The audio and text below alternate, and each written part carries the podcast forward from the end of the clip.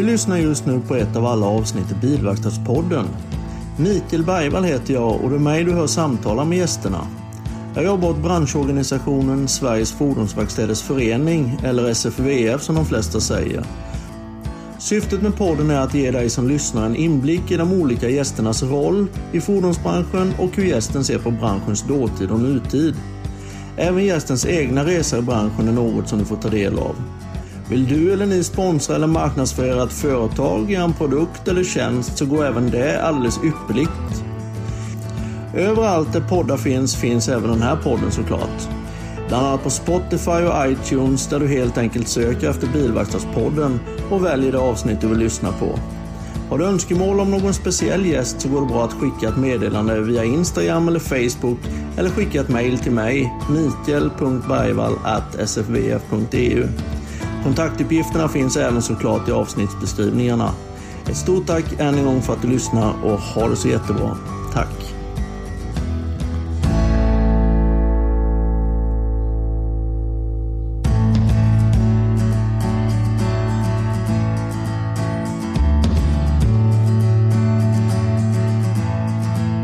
Behöver ni nya lyftar, däckmaskiner eller en lättinstallerad komplett bromsprovargrop för lastbilar? Kanske vill ni öka lönsamheten med en ny hjulinställningsutrustning? Med vår Hunter Powerbay utför ni en hjulvinkelmätning på under två minuter. Du glömmer väl inte bort att sköta hand om din utrustning? Vi hjälper dig med serviceavtal för återkommande service och kalibrering. Just nu åker vi Sverige runt och besöker 29 orter ihop med ProMeister och deras elbilsutbildning. Välkommen att diskutera utrustning och teknik. Besök vår hemsida www.jbmaskin.se för mer info och anmälan till Sverigeturnén eller läs mer om våra produkter och tjänster. JB Maskinteknik AB och Prekas. Helhetslösningar för din verkstad.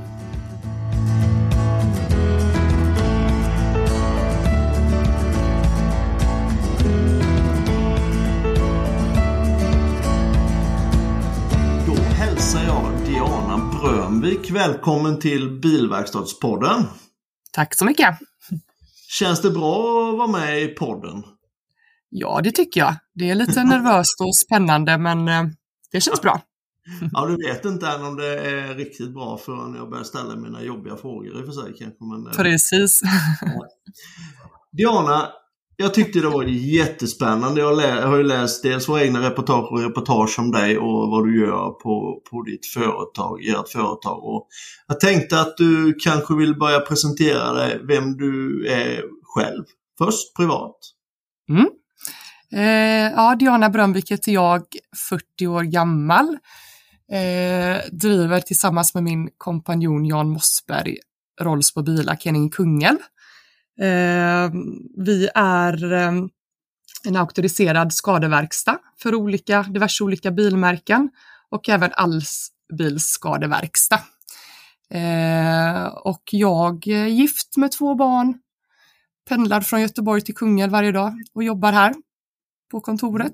Ja, jobbat med försäkringar i många år innan detta också och eh, har väl varit eh, involverad i bilbranschen i stort sett hela mitt liv, höll jag på att säga, eftersom jag kommer från en familj som även drivit bilverkstad. Eh, så att eh, jag växte upp i den här branschen kan man säga. Ja, det var naturligt för dig. Ja, lite så. Jag förstår Ja. det. Men du, väx, du växte upp i Göteborg. Gick du då någon, eh, någon form av inriktning på fordon i gymnasiet? Eh, det gjorde jag faktiskt inte. Jag läste NS, som det hette på den tiden, natur och samhäll, eh, gymnasiet och sen efter det så eh, läste jag till maskiningenjör. Så att jag egentligen inte läst som har liksom ingen utbildning just i bilbranschen utan där är jag nog eh, ganska självlärd får jag väl säga. Ja. Eh, och eftersom jag hade en pappa som drev verkstad i, i, under hela min uppväxt så har jag liksom alltid eh, varit väldigt intresserad av bilar och liksom det bästa jag visste var ju att följa med pappa till jobbet. Och jag, om jag minns rätt så lärde jag mig läsa på regis- registreringsskyltarna och sådär. Så att jag har alltid tyckt att det varit väldigt kul. Ja, men det är väl härligt. Jag har, jag har tre söner varav alla tre är helt ointresserade av bilar så jag har väl tjatat Ja. ihjäl dem istället. Då, så det är spännande hur det kan bli. Ja, vi får se hur det blir med mina barn. Det är ju inte alls... Än så länge tycker de väldigt mycket om bilar, men det kan ju ändras med åren, det vet man aldrig. Nej, precis, precis. Mm. Eh, men din far drev, eller familjen din drev bilverkstad, var en allbilsverkstad då, eller var det också skadeverkstad? Nej, det var en allbilsverkstad, så att det jobbades väl inte med försäkringsbolag i samma utsträckning som vi gör idag, men eh, han har ju alltid haft eh, väldigt mycket att göra och drivit verkstad på liksom olika orter och, och så vidare. Eh, och eh, byggt upp sitt företag från, från ingenting till att bli ganska väletablerad och liksom de flesta vet vem man är i den här bilbranschen. Så att eh, det var inte så svårt för mig att sen ta vidare för jag hade redan liksom en bra plattform att stå på eh, som han lämnade efter. Så att, eh, Ja, mm. det förstår jag. Det förstår jag. Mm. Mm. Eh, men då det här företaget som du driver nu, Rolls på billackering. Mm. Eh, har det någon form av även vanlig bilverkstad eller är det ren skadeverkstad? Nej, det är, vi är ju i en auktoriserad skadeverkstad som sagt för eh, en del olika bilmärken, men vi är ju även allbilsskadeverkstad så att vi kan ju eh, erbjuda service och lackering och plåtarbeten och, och, så vidare på, på alla bilmärken. Så du kan komma hit både som eh, privatkund om du fått en liten repa i lacken, du kan komma hit med ett eh, skadeärende via ditt försäkringsbolag, liksom det kan vara en eh, stor krock och vi, vi åtgärdar skadan helt enkelt. Så att eh, vi gör det mesta inom lack och plåt. Mm, mm. Vad heter mm hur kommer det sig liksom när du, när du tog själva steget då? Du hade gått det här och sen så, så helt plötsligt så blev det blev utav intresset liksom att du gick in och blev delägare helt enkelt i en verkstad för att eh, eller hur, hur, kom, hur, hur mm. gick det till? Det var så här att när jag var klar med min utbildning så eh, hamnade jag på ett ganska stort försäkringsbolag och blev kvar där i ganska många år. Eh, och under tiden parallellt så var jag ju ägare till, till eh, det här företaget. Så jag var lite sån här, vad ska man kalla det, passiv ägare. Jag kom in när det behövde signeras lite dokument och var här lite då och då. Men eh, sen efter några år så kände jag att det, det är svårt att driva någonting om man inte är på plats. Eh, så då såg jag faktiskt upp mig på mitt eh, tidigare jobb och så kom jag hit och började jobba heltid med detta då istället. Eh, vilket är lite lättare när man liksom är på plats och eh, lite mer involverad och man ser vad som händer ute på golvet och, och så vidare. Ja, men det förstår jag. Eh, ja. Men du började ute på golvet själv då eller har du bara jobbat Nej. administrativt? Eller? Jag har bara jobbat administrativt. Jag eh, tycker det är väldigt roligt att gå ut och eh, kika på vad, vad eh, grabbarna gör och jobbar med och eh, tycker det är kul att lära mig det de håller på med. Eh, men det är absolut inte mitt bord utan jag är bäst på det administrativa helt klart. Annars är det rätt trevligt att gå ut och peta i andras arbetsuppgifter och tala om hur de ska göra. Det brukar irritera lite lagom sådär. Ja det, ja, det är inte riktigt min grej. Jag brukar alltid, eh, när folk citerar mig så är liksom det ett vanligt citat jag använder är ju det här att man ska göra det man är bra på. Och jag är absolut inte bra på att lacka eller maskera bilar, men eh, jag tycker det är väldigt kul att lära mig. Och ja, eh, jag är ofta ute och tittar och försöker liksom lära mig och frågar och, och så vidare. Ja, Mm. Men du, jag tänkte på en sak när jag frågade dig om, om ifall du hade varit ute och jobbat på, på själva golvet. Då, då sa du att det är grabbarna. Mm. Är det bara grabbar du anställer hos dig? Eh, det är faktiskt så. Vi är tio anställda på företaget och jag är den enda, jag vill säga tjejen, men kvinnan får jag väl säga då. Ja. Ja, är det så. Vi måste kvar lite vid det ämnet. För, mm. för, det är väl lite så som jag fått för mig att eh, jag har ju hand och jobbar med skadesektionen på SFVF där, och det är mm. väl ganska många tjejer annars ändå som utbildar sig till lackerare va? Eh, jag tycker att det har eh, blivit mer och mer och det baserar jag lite grann på, vi får ju in sådana här ansökningar ibland om eh, elever som söker praktikplatser och så vidare. Och tittar vi tillbaka liksom 10-15 år så tror jag aldrig någonsin vi fick in någon ansökan från en kvinnlig deltagare, utan det var bara killar. Men ja. nu tycker jag ändå att jag hör lite mer och mer, men det är fortfarande väldigt, väldigt få. Eh, vilket jag kan tycka är lite tråkigt. Eh, men det är en mansdominerad bransch, tyvärr måste jag säga det. Eh, och eh, man får väl hitta, jag vet inte riktigt om man skulle få det lite mer intressant så tjejer söker sig till de här utbildningarna. För jag förstår det så är det ju mest killar som söker sig till just de här utbildningarna inom, eh, ja, i bilbranschen helt enkelt. Mm. Mm, Men det är tråkigt. ja, precis. Det, det anordnas väl lite mässor och lite sådant här nu, bland annat via Lernia, när, när Mm. för att få kvinnor att få upp ja, eh, blickarna lite mer åt fordonsbranschen, för den har väl varit eh, ryktesmässigt kanske lite skitig och jävlig sådär, men, men, men det, det är ju inte så riktigt längre. Nej. Nej, det är absolut inte. Alltså det, jag kan ju bara jämföra med, med eh, våran arbetsplats här. Men eh, absolut inte på det viset, utan eh, jag tror det hade fungerat alldeles utmärkt att ha en kvinna som lackerar hos oss eller inne i sliprummet eller på montering eller slip. Alltså det, det spelar egentligen ingen roll om du är man eller kvinna, utan eh, men, det, Nej. men det finns för få, helt klart. Ja, ja. Mm. Om vi går tillbaka till din roll nu då som ägare på, på Rollsbo. Mm. Hur eh, fungerar du som ledare? Vad är, vad är din bästa egenskap som ledare? Det kanske andra ska berätta egentligen. Men hur känner du själv att, man, att ett bra ledarskap fungerar? Mm. Och det är faktiskt en fråga som jag ställer eh, de anställda ganska ofta, för det tycker jag är väldigt viktigt att man eh, eh, Eftersom jag har ju jobbat även bara som anställd på, på andra ställen så tycker jag det är väldigt viktigt att man har en bra dialog med sin chef eller sin gruppledare eller vad man nu har. Som. Eh, och jag tror att det är väldigt viktigt att man lyssnar på sina anställda. Och det försöker jag göra. Jag frågar dem ofta i vissa situationer om vi ska göra någon förändring på jobbet, vad de tycker och jag, eh, de får vara med och bestämma ganska mycket. Och jag tror att det är väldigt viktigt att man, de får känna sig delaktiga i det som händer på företaget. Eh, ska vi byta, vad vet jag, slippapper inne i slipen så är det inte jag som går in och bestämmer att de här ska vi ha, utan jag frågar dem. Eh, De får prova på och så får de bestämma helt enkelt vad de tycker känns bäst. Mm. Så att lyssna och eh, involvera sina anställda tror jag är en eh, framgångsfaktor till att bli en bra ledare. Ja. Mm. Eh, vad heter det, hur var det om, om vi drar någon form av eh, eh, re, eh, reverse här till det vi pratade om tidigare. Hur var det att komma in då? För du kom in som rätt ung. Du är ju fortfarande ung, det var inte så jag menade. Tack så mycket. Men, men du kom in som rätt ung tjej då och Ja. skulle leda.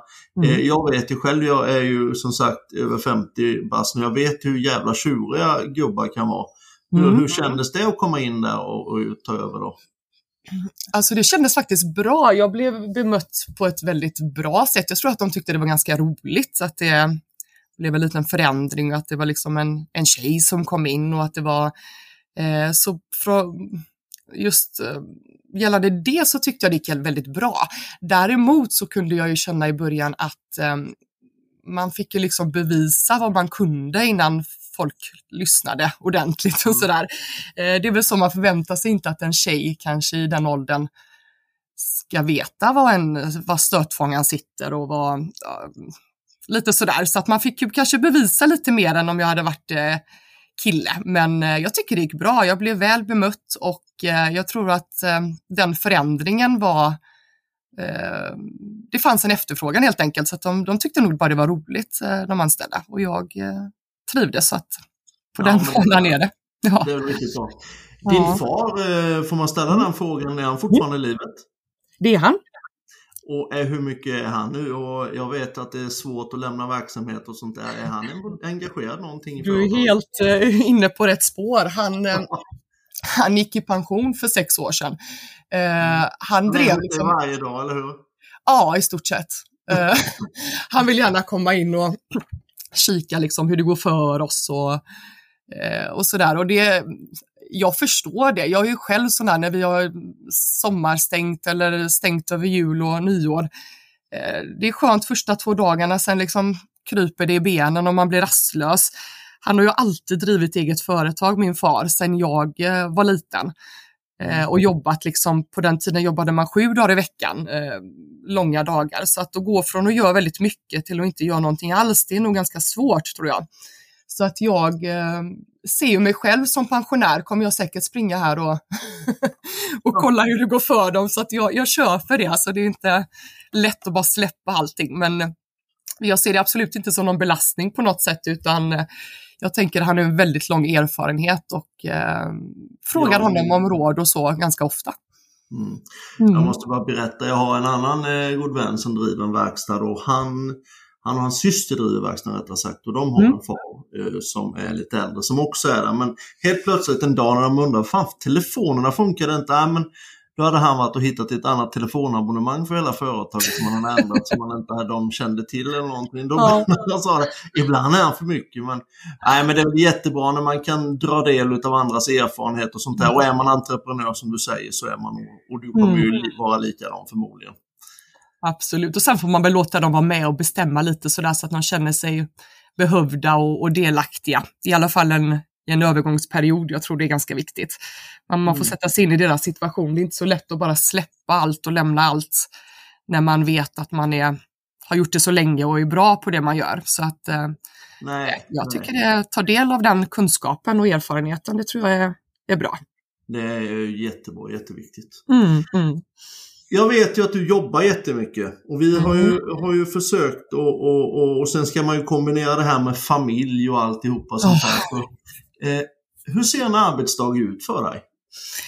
Du, det ser ut som så här att eh, vi vaknar på morgonen, jag väcker mina två barn, gör ordning dem till skolan med allt från att ta fram kläder och frukost och hela den balletten.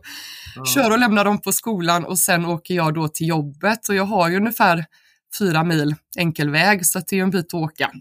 Ja. Eh, och sen så kommer jag hit, tar mig en kopp kaffe, eh, går ut till eh, de anställda, säger god morgon och eh, stämmer av, kollar av läget så att allt är under kontroll.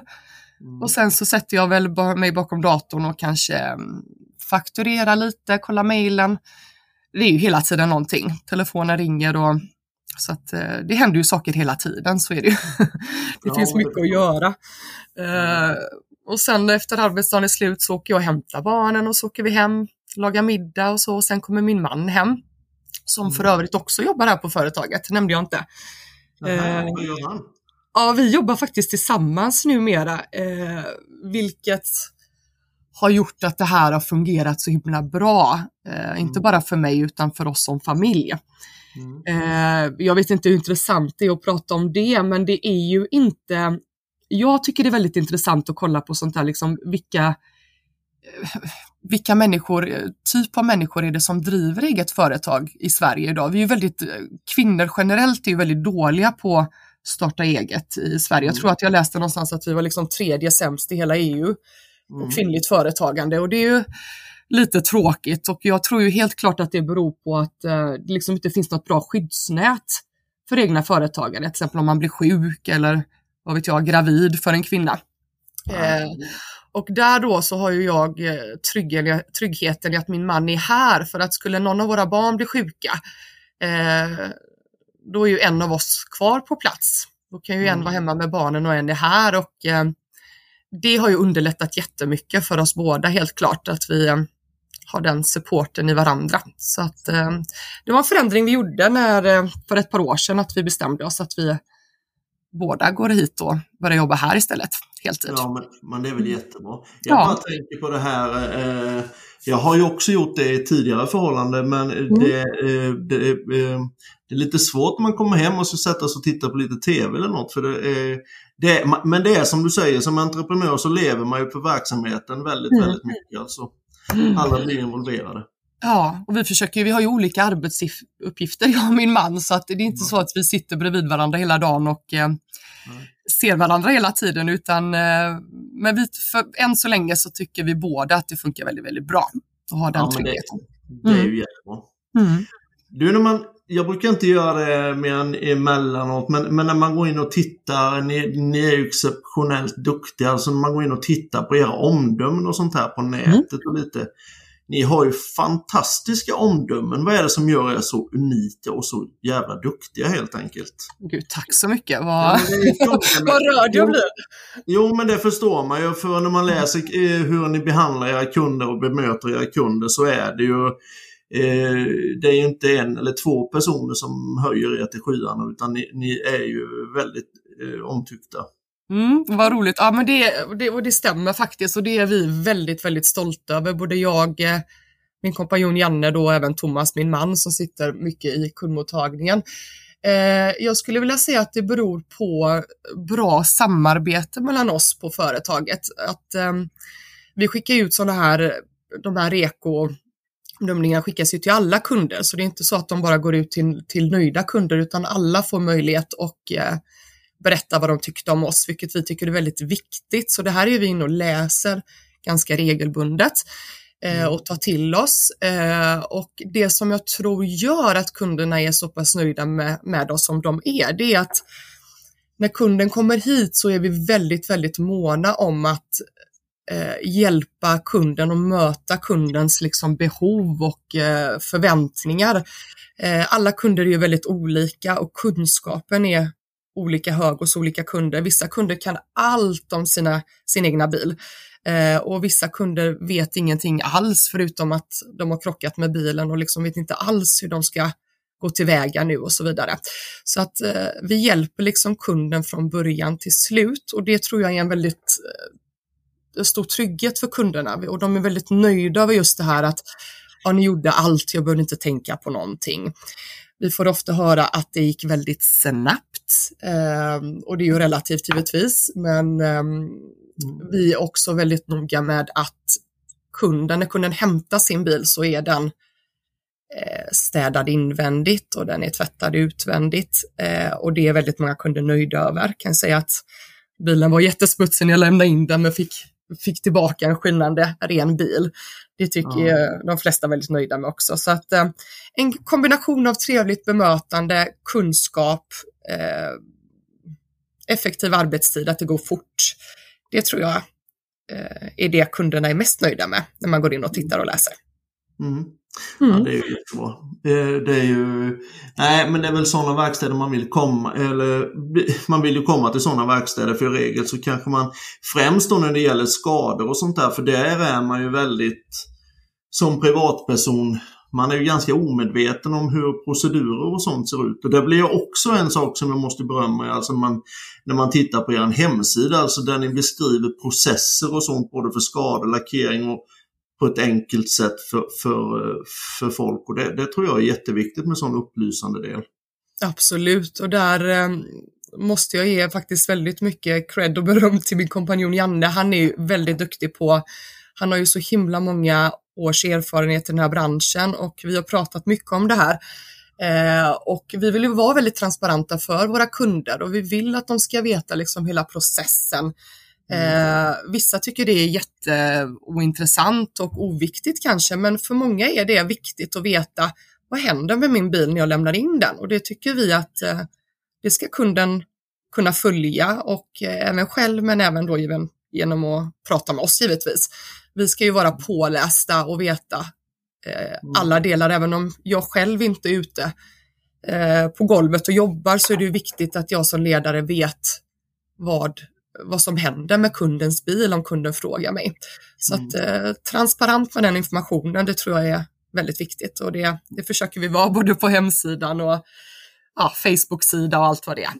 Mm, mm. Mm. När det gäller, när ni har en sån verksamhet som ni har, ni är ju tio anställda då förstår mm. jag. Mm. Eh, det krävs ju en hel del för att få det här med som du säger transparens och sånt här. Det, det kan man ju lösa kanske med just, just uh, Eh, rutiner och sånt här och sitta? Jobbar ni med ledningssystem och sånt för det? Eh, du tänker rutiner för, för de anställda? Ja, hur, hur, hur kvalitetssäkrar du verksamheten om man säger så? Mm. Alltså vi är ju eh, anslutna till SFVF och MRF. Eh, och vi, det ger ju liksom, det är en garanti för trygghet och kvalitet och att allt är fackmannamässigt eh, utfört. Eh, och vi liksom försöker ju följa alla regler och eh, eh, ja, vi har ju väldigt höga kvalitetskrav på oss själva. Så att vi är, mm, ja, jag tror vi är ganska duktiga på den biten och vi försöker liksom hålla oss eh, uppdaterade hela tiden så att eh, vi känner oss trygga i att det vi gör är bra, men även kunden då givetvis. Men eh, jag vill ju alltid trycka på det att ett bra samarbete eh, mellan personalen är ju A och O för att allting ska fungera och gå rätt till, helt klart. Mm. Mm. Mm. Men det är enligt branschstandard och sånt där också ni, ja. ni jobbar? Ja, absolut. Mm. Ja. Hur svårt är det då att få eh, som ledare att få med sig personal på tåget? För det är klart att det är väl alltid det är inte alltid alla har en bra dag, men hur, hur, hur svårt är det att få... Det är en fråga som jag tycker är jätteviktig, för det, det gäller ju hela företaget egentligen ifall... Men om, för att få alla att gå åt samma håll då, vad är det som gäller? Är det den här att man, att man känner sig delaktig som är nyckeln till det? Eh, absolut, att de, personalen är delaktig och får med kanske att bestämma i vissa, Eh, eller så gott det går i vissa ärenden. Men det där är inte alltid jättelätt. Eh, det är en ganska tuff, tuff uppgift som ledare och eh, få med tio personer liksom på en och samma bana alla gånger. Det som är fördelen här hos oss, det är ju att vi alla är ju lite som en familj känns det som. Alla har sina arbetsuppgifter och gör det de ska göra. Men det är ju liksom aldrig att man behöver tjata på någon eh, när det behöv, någon behöver hjälp, utan de hjälper varandra liksom i rena farten. Så att vi har en speciell relation alla vi anställda här och de, alla har ju jobbat ganska länge på, på, här på Rolls billackering så att eh, det brukar inte vara så jättesvårt. Det svåraste här är ju helt klart när vi får nya system när det liksom ska stämplas på ett speciellt sätt och eh, det här helt plötsligt ändras för nu har det kommit något nytt system och vi vill vara uppdaterade och liksom eh, det kan vara lite svårt. Det, man har ju liksom gjort på ett och samma sätt hela tiden och så ska det helt plötsligt eh, in med något nytt. Eh, och det är inte alltid så jättepopulärt, men vi tragglar oss igenom detta tillsammans och eh, vi övar och vi tränar och eh, till slut ger det med sig så att det brukar inte vara några problem men det, det är till och från beroende på vad det, vad det är vi ska göra och vad det, om det är något nytt som vi implementerar så är det oftast det som kanske blir eh, som är det jobbiga så men det, det brukar lösa sig. Ja absolut, absolut. Mm. Eh, jag jobbar ju som sagt åt SFVF och det är ju därigenom mm. vi har fått kontakten. Eh, mm. Och eh, tänkte fråga dig lite så här. Hur viktigt är det och vara med i en branschförening som SFVF? Alltså för oss här på Rolls Mobilacademy så är det jätte, jätteviktigt för att det är viktigt inte bara för våra kunder men även för oss. För att det är ju liksom en garanti för alla parter vad gällande trygghet och kvalitet och att eh, liksom allting eh, görs på rätt sätt det är ju alltid mycket lättare. Visst, det kan vara besvärligt ibland att veta vad är det jag ska vara med i och vad ska jag vara medlem i och vad, mm. vad måste jag vara med i, vad bör jag vara med i? Det, det tyckte jag var väldigt svårt eh, från början. Men mm. eh, är man med i de här organisationerna, de här, eh, om man är medlem i rätt föreningar och så vidare, så det underlättar väldigt mycket för dig som företagare brukar jag säga, för att då vet du att allting går rätt till man följer alla dessa rekommendationer och så vidare så eh, hamnar du inte i sådana situationer sen där du ska liksom ordna upp saker och ting som har blivit fel utan du vet att eh, nej men nu är det eh, liksom det här är en garanti för trygghet mm. för alla parter. Så för, för, mig eller för oss här på företaget så är det väldigt, väldigt viktigt. Mm, mm. Och ni jobbar tillsammans även med, det är ju för sig inte någon branschförening, men ni jobbar med Klar OK också vad jag förstår. Mm, det stämmer. Mm, ja. det, det, gör vi och börjat men, lite mer aktivt på senare, det senaste året då med det. Ja, just det. Just det. Mm. Eh, jag tänkte en sak också. Ni, ni ligger ju relativt eh, framförallt ifrån man jämför med var jag bor så ligger ni ju ni bra till i, i Göteborgsområdena. Jobbar man som, som eh, som fristående skade och, och lackverkstad då som ni är, eh, jobbar man då med de här större, exempelvis Hedin Bil och Bilia och sånt också eller? Det gör vi, absolut. Vi, mm. har ju, eh, vi samarbetar ju med väldigt många försäkringsbolag och vi samarbetar med många bilhandlare runt om i området, både Göte, Göteborg och Kungälv och mm. ja, runt om Kungälvsområdet. Eh, så att eh, absolut, det stämmer. Vi, eh, mm. många runt omkring oss som vi jobbar ihop med. Ja, det förstår jag. Det, förstår jag. Mm. Eh, Eh, något som är ganska aktuellt nu med då, när man, det, det, gäller ju, det gäller väl alla verksamheter egentligen, att man ska försöka kapa kostnader lite här och var och sånt där utan att det påverkar för mycket. Men mm. har ni drabbats någonting av eh, just det här med elen som alla pratar nu? En, fast lackboxen drivs gasmässigt va, eller hur? hur? Ja, alltså, vi, eh, jag tror, jag vet inte hur många samtal jag har fått kring eh, våra elkostnader från diverse olika bolag som vill att, vill att man ska byta och, och, och, så vidare. Jag måste faktiskt säga så här, det låter kanske märkligt, men just det här med vad gäller den biten med elen så Nej, det här, det här har inte drabbat så jättemycket. Jag tycker visst, det var, det var dyrare, det kan jag inte säga något om, men inget kolossalt så som jag, ja, ingen katastrof helt enkelt. Men mm. det vi har drabbats av mest det är ju det här sen coronan kom helt klart. Det, det har vi ju, där har vi ju drabbats, precis som många andra antar jag. Eh, vilket har gjort att vi har fått dra ner på kostnader kring olika saker som vi eh, har lagt pengar på innan. Eh. Så att man har fått tänka till lite grann för att det viktigaste... Tappar man, tappar man jobb där menar du under coronan eller? Eh, absolut, absolut. Mycket, mycket mm. färre kunder eh, och vilket, ses, vilket är förståeligt tänker jag för att när, i den, när det var som värst, då var ju folk oroliga, oroliga för sina jobb. Kommer jag ha något jobb att gå till? Folk blev varslade hej vilt. Eh, och då mm. kanske det liksom inte var prio, högsta prioritering att lägga pengar på sin bil. Eh, mm. Så att vi blev ju drabbade precis som alla andra i den här branschen skulle jag vilja säga. Eh, ja. Men vi överlevde. Det viktigaste för oss här var ju liksom inte behöva jag ville ju verkligen inte behöva göra mig av med, eh, med personal. Det var liksom det vi kämpade mest för och det klarade vi av. Eh, så det är vi ju väldigt, väldigt stolta över att vi alla kunde behålla våra jobb. Mm.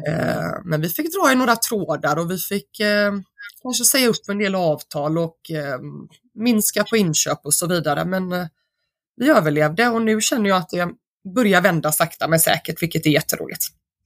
Det är det ju definitivt och sen är ju restriktionerna borta nu på onsdag tror jag det var med va? Så... Ja, ja, jag vet inte hur det, hur jo, det kommer påverka. Men... Mm. Nej men vad heter det, jag tror väl att skadeverkstäderna, eller vet väl egentligen att skadeverkstäderna drabbades ju hårdare såklart. För att, mm. att få bilen att rulla det måste man väl kanske alltid, men en, en plåtgrej eller någonting sådant det kan man ju kanske köra vidare med på emellanåt. Så så. Precis, precis. Mm. Eh, du sa det här med personal, jag måste ställa den frågan också för det är ju en mm. jävligt aktuell fråga. Det saknas ju oerhört mycket folk i branschen generellt. Eh, hur känner du på skadesidan? Du sa att du, du har ju jättebra personal och sånt där men mm. ni känner inte att ni saknar eh, folk överlag så eller att ni? Eh, nej, det gör vi inte utan alla som jobbar här hos oss fyller ju ett syfte höll jag på att säga, Nej, men alla har sina arbetsuppgifter. Däremot om vi skulle bli av med en i personalen, det skulle vi känna av. För vi, de vi har på plats måste vi ha på plats för att kunna fungera på det här sättet som vi gör idag. Eh, men att vi saknar någon, där måste jag säga nej i dagsläget. Det, gör vi inte. Men sånt här kan ju ändras givetvis. Det går ju upp och ner men eh, eh nej, vi eh, är fullt bemannade skulle jag vilja säga. Ja, men det var skönt. Mm. Men förutom ditt jobb nu då? Mm. Vad gör, du på, gör du någonting på fritiden, någonting för att liksom släppa jobbet eller du och din man? Har ni några, är ni ute och åker längdåkningsskidor eller är det något annat roligt?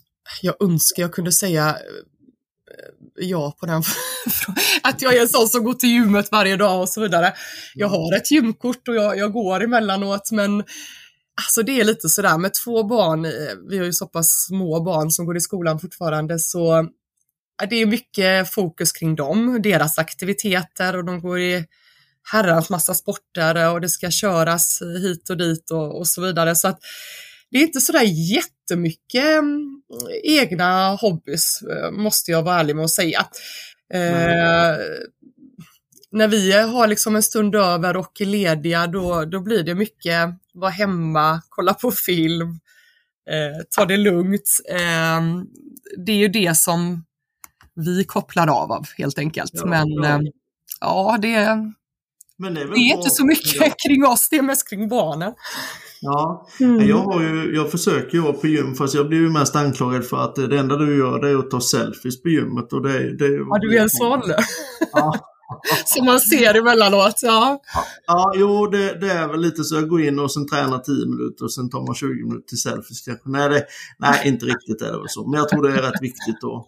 Det kan ju vara rätt viktigt att ha någonting kanske som man, som man kopplar bort med om man säger så. Det är så jag tänker ja, mer. Och det är helt rätt. Jag inser ju där när man går i, när jag tittar på folk i min omgivning som, har som är i den här branschen och hållit på i många år och som går i pension.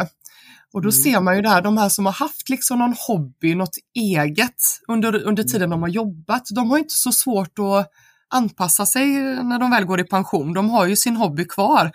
Mm. Men när man tittar på folk som min, till exempel min pappa då, eller som mig själv, mm.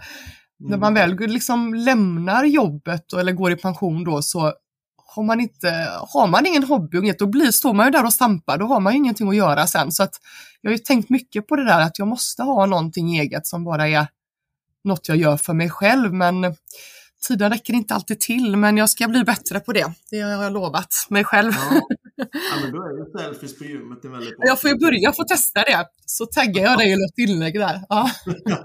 ja, men, jag fick inspirationen ifrån. Mm. Ja, precis. Du, jag, jag, tänkte på det, eh, om vi ska ta en sista fråga när det gäller branschen. Mm. Se, vad ser du som är den största utmaningen i skadebranschen? Ja, och lackbranschen kan man säga. Mm. Alltså den största utmaningen, det är väl egentligen att eh, vad ska jag säga? Alltså den här branschen går ju väldigt mycket upp och ner. Ena dagen så har du eh, tio eh, bilmärken du, eh, du, jobb, du liksom, eh, vad ska man säga, du har på företaget. Du kanske samarbetar med så och så många bilhandlare och nästa vecka så kan ju det ha förändrats. Så att den största utmaningen är egentligen att hålla sig hela tiden flytande skulle jag vilja säga. Stå aldrig liksom med ett, ett ben och stampa utan stå stadigt med båda. Liksom alla kunder, alla är lika viktiga. Man ska man blir väldigt sårbar när någonting förändras. Om du till exempel skulle tappa något avtal eller så vidare, om du är väldigt beroende av just det avtalet, utan man, det händer saker hela tiden. Jag tycker den här branschen går verkligen upp och ner konstant. Mm. Eh, och det är ju inte alltid det beror på dig som individ eller ditt företag att saker och ting förändras kanske till det sämre. Eh, så att jag skulle vilja säga att den största utmaningen är att hålla, liksom, du måste ha många bollar i luften hela tiden. Så att händer det någonting och något förändras så måste du ha någon annan boll i luften. Eh, mm. så hålla sig flytande och levande, det är helt klart den största utmaningen och eh, nu med det här med coronan och så vidare så det är ju bara visat ännu mer hur viktigt det är. Eh, mm. lägg liksom inte alla bollar i en korg utan ha dem utspridda så att du inte är så sårbar när någonting händer. Mm. Eh, så att ja, det är hålla, hålla, kunna hålla igång liksom och, och, ha något att göra hela tiden. Det, det är väldigt ja. viktigt. Ja. Uh, ja. Eh, jag måste nog ställa en fråga till. Jag sa att du skulle vara den sista om branschen. Ja. men vi sa ju det här med sårbarheten och sånt här. Men eh, hur ser det ut? Eh, jag förmodar att ni har även lite kontakt med skolor och sånt kanske som jobbar just med skador och utbildar reparatörer. Mm. Hur ser det ut med lärarbristen? Är det, är det, är det hög ålder och uh, dålig tillgång på lärarna inom just skadesidan? Eller känner, har du någonting du kan säga om det? Eh, vi har ju haft lite praktikanter och så som går sådana här yrkesutbildningar på plats. Mm. Mm. och jag har inte jättemycket erfarenhet kring det men de lärarna vi har träffat har ju varit helt underbara, fantastiska verkligen och mm. brinner för det de gör. Eh, och eh, så att nej, jag har inte så mycket att, att, säga kring det och absolut ingenting negativt. Vi har bara nej. kommit i kontakt med bra eh, lärare där. Jag skulle nog vilja säga att det är mer Eh, kanske brist på information till ungdomarna i skolan innan man ska välja inriktning och bransch och eh, och så vidare. Jag hade ju någonstans önskat att eh, man hade fått in företagande tidigt i skolor tillsammans med utbildning i privatekonomi och så vidare så att unga och ungdomar liksom får lära sig det här hur det är att starta eget eller få lite mer information kring, eh, kring branschen i sig. Jag tror det är där kanske det brister, mer än att mm. det finns liksom för få lärare eller Mm. För de där lärarna, de jag har kommit i kontakt med, de brinner ju verkligen för det där och ja. utbilda i något de tycker är roligt. Ja. ja. Problemet har ju varit att få och hitta lärare, det har ju varit lite bekymmer men, men jag instämmer i allting du säger. Alltså börja redan i sjuan, åttan och försöka implementera tänket för det är, mm. det är, det är lite det här gamla att man kanske som syokonsulent rekommenderar, ja men gå fordon, det är enkelt att komma in. Så har det ju varit i många år i varje fall. Och det, det är inte så länge för det är ett jävligt, ställer högre krav på en, en än någon som jobbar med bil, så är det definitivt. Absolut, absolut. Du Diana, jag måste ställa den här frågan igen när det gäller ledarskap och just kvinnor. Hur, um, hur ser du på det och vad har förändrats med åren? Eller hur, står det stilla? Eller hur känner du kring den frågan? Jag har ju luskat lite i det där bara för att jag är generellt intresserad eh, av det. Att, eh, liksom, jag stöter ju sällan på kvinnor som, som driver företag oavsett vad det är för företag. Och då läste jag någonstans just det där att liksom, det har inte förändrats alls de senaste 25 åren. Eh, det var, jag tror det var en fjärdedel av alla som drev eget som var kvinnor. Och det var ju bara i sådana här branscher som Eh, nu gör jag sådana här situationstecken här i luften, men som klassas som, som vanligt för kvinnor, kanske frisör och eh, nagelterapeuter och så vidare. Det var ju mm. väldigt få som eh, drev bilverkstad kan jag säga. Mm. Så att och det, jag har ju funderat lite grann på det där, vad beror det på att så få kvinnor vågar starta eget oavsett liksom vad det är för bransch egentligen?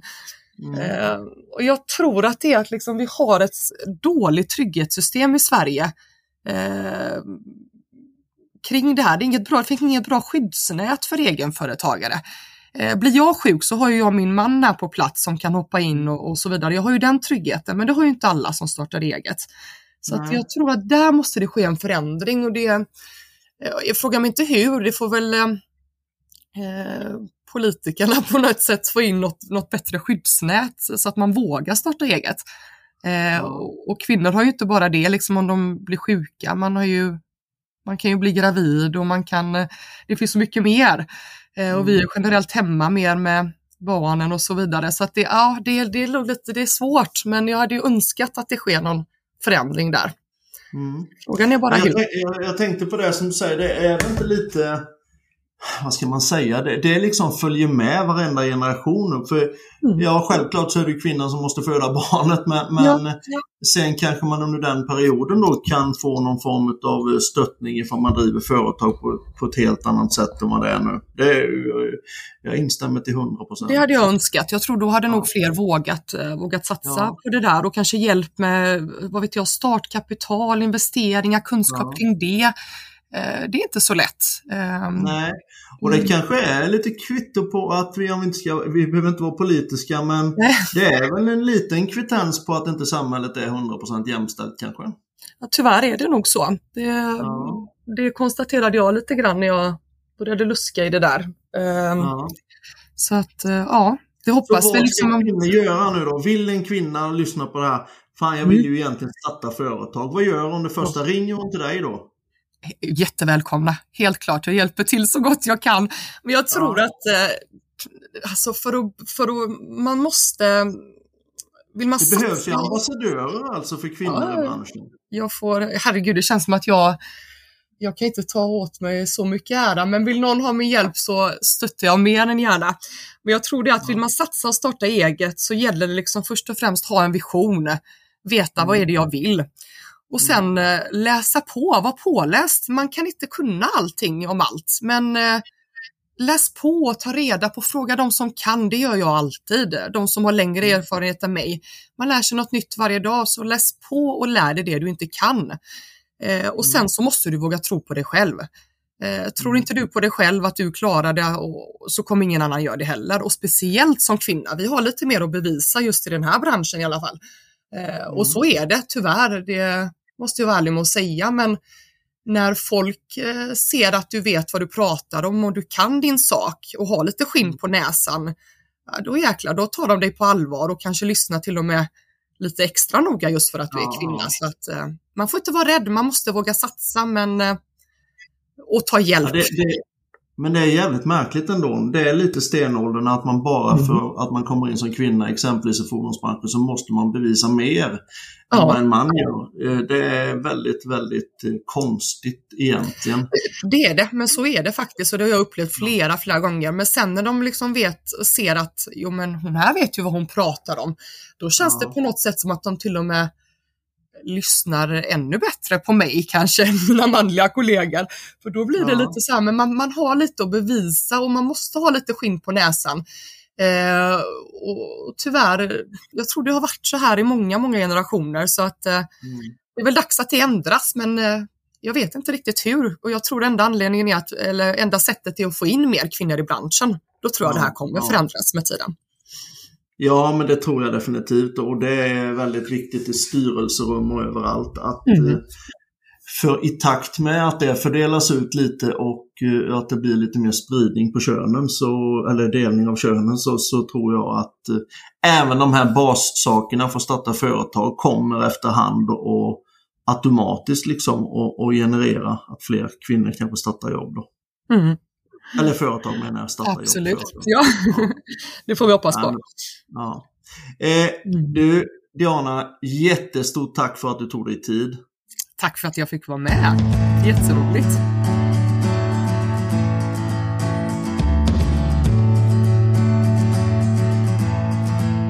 Behöver ni nya lyftar, däckmaskiner eller en lättinstallerad komplett bromsprovargrop för lastbilar? Kanske vill ni öka lönsamheten med en ny hjulinställningsutrustning? Med vår Hunter Powerbay utför ni en hjulvinkelmätning på under två minuter. Du glömmer väl inte bort att sköta hand om din utrustning? Vi hjälper dig med serviceavtal för återkommande service och kalibrering. Just nu åker vi Sverige runt och besöker 29 orter ihop med ProMeister och deras elbilsutbildning. Välkommen att diskutera utrustning och teknik. Besök vår hemsida www.jbmaskin.se för mer info och anmälan till Sverigeturnén eller läs mer om våra produkter och tjänster. JB Maskinteknik AB och Prekas. Helhetslösningar för din verkstad.